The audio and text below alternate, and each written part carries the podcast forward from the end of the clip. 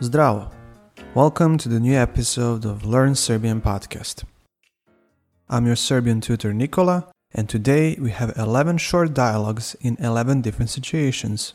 You can use these as an example of practical and basic communication when traveling to Serbia.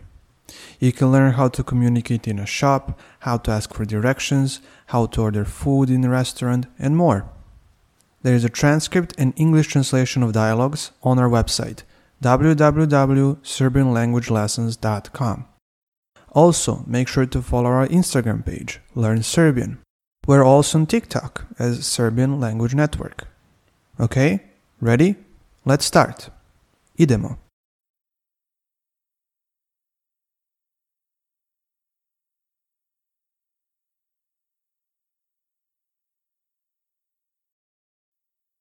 Na autobuskoj stanici. Dobar dan. Kada je sljedeći autobus za Beograd? Sljedeći je u 2.30. Da li je direktna linija bez presedanja? Da, ovo je direktna linija. Dajte mi povratnu kartu, molim vas. To je 1280 dinara. U redu. Izvolite karte. Ovo je peronska karta, a ovo je karta za autobus. Vaš peron je broj 8. Autobus kreće za 15 minuta. Hvala najlepše. Na granici.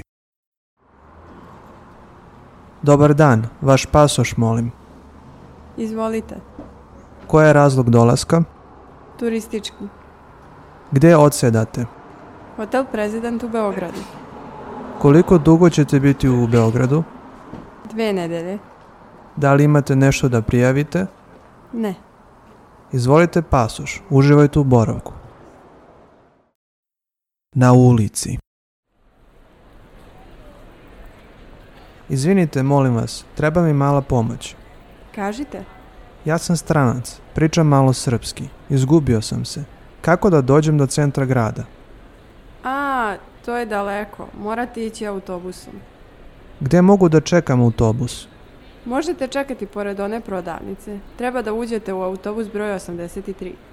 U redu, kako da kupim kartu za autobus?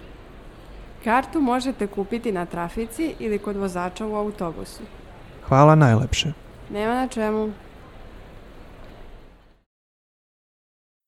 U pekari. Dobar dan, izvolite. Dobar dan, jedan veliki hleb i jednu pitu s mesom. U redu, da li je to sve? Može i jedan mali jogurt i krofnu sa čokoladom. U redu, vaš račun je 362 dinara. Da li hoćete kesu?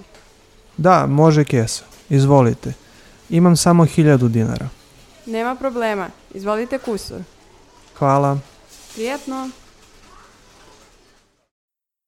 Kod doktora. Dobar dan, sedite. Dobar dan, doktore. Šta je problem? Imam temperaturu, boli me grlo i kijam. U redu, otvorite usta da pogledamo grlo. Da, crveno je.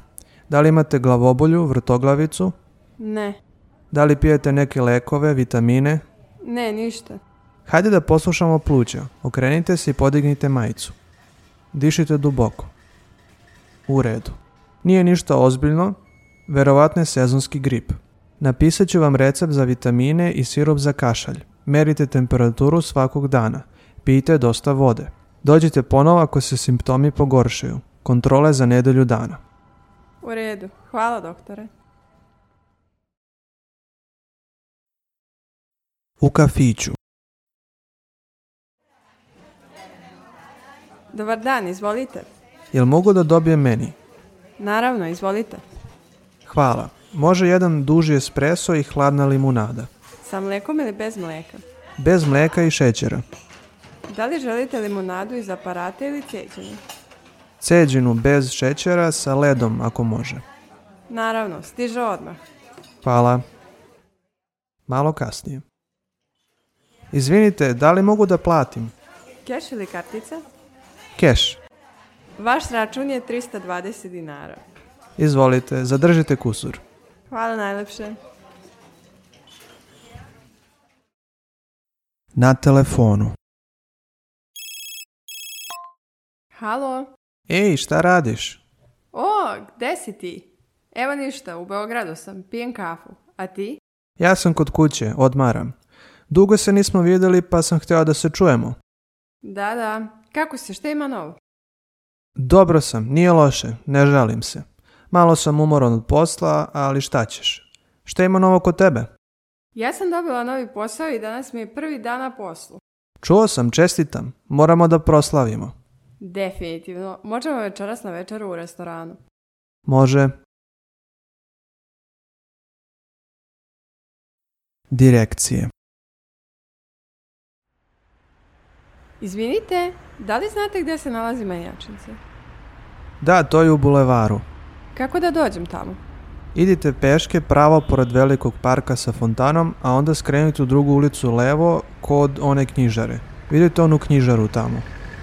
Da, vidim. Menjačnica je u toj ulici, sa leve strane, preko puta apoteke. Hvala vam. U taksiju. Zdravo, do Cetinske ulice. Koji broj? Uf, ne znam, to je kod onog velikog parkinga. Aha, znam, Cetinska 15. Da, tako je. Da li ste prvi put u Beogradu? Ne, ovo je drugi put. Odakle ste, vi ste stranac? Da, ja sam iz Kanade. Dobro pričate srpski. Hvala, trudim se. Težak je jezik, ali učim svakog dana. Da li imate porodicu ovdje? Da, imam tetku i teču. Moja majka je iz Srbije, iz Beograda. U policijskoj stanici. Izvinite, potrebna mi je pomoć. Ukrali su mi torbu. U redu, samo polako. Gde se ovo dogodilo? Desilo se u velikom parku u centru grada. U koliko sati? Da li ste vidjeli ko je ukrao torbu? Oko 11 uveče. Nisam vidio nikoga, ali znam da ima kamera u parku. U redu. Da li imate pasoš kod sebe? Prijavit ćemo krađu. Imam, izvolite. Počet ćemo istragu i pozvat ćemo vas ako dobijemo neke novosti. Hvala vam. U restoranu. Izvinite, da li mogu da naručim? Naravno, izvolite. Ja ću Karadžorđevu šniclu, a moja majka će vapu u somunu sa kajmakom. Moj brat ne jede meso. Da li imate nešto vegetarijansko? Imamo salate bez mesa i vegetarijansku picu. Može onda jedna vegetarijanska pizza. U redu. Da li želite nešto da popijete dok čekate? Može vino. Koje vino preporučujete? Imamo lepo roze vino. Može. Naručit ćemo dezert kasnije. U redu. To je to? To je to. Hvala.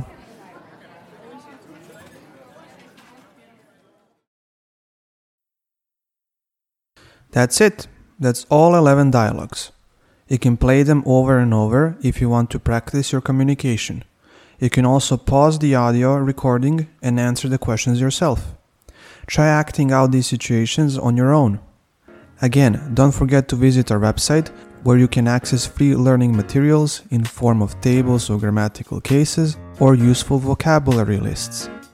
Thank you for listening and see you very soon. Hvala, vidimo se.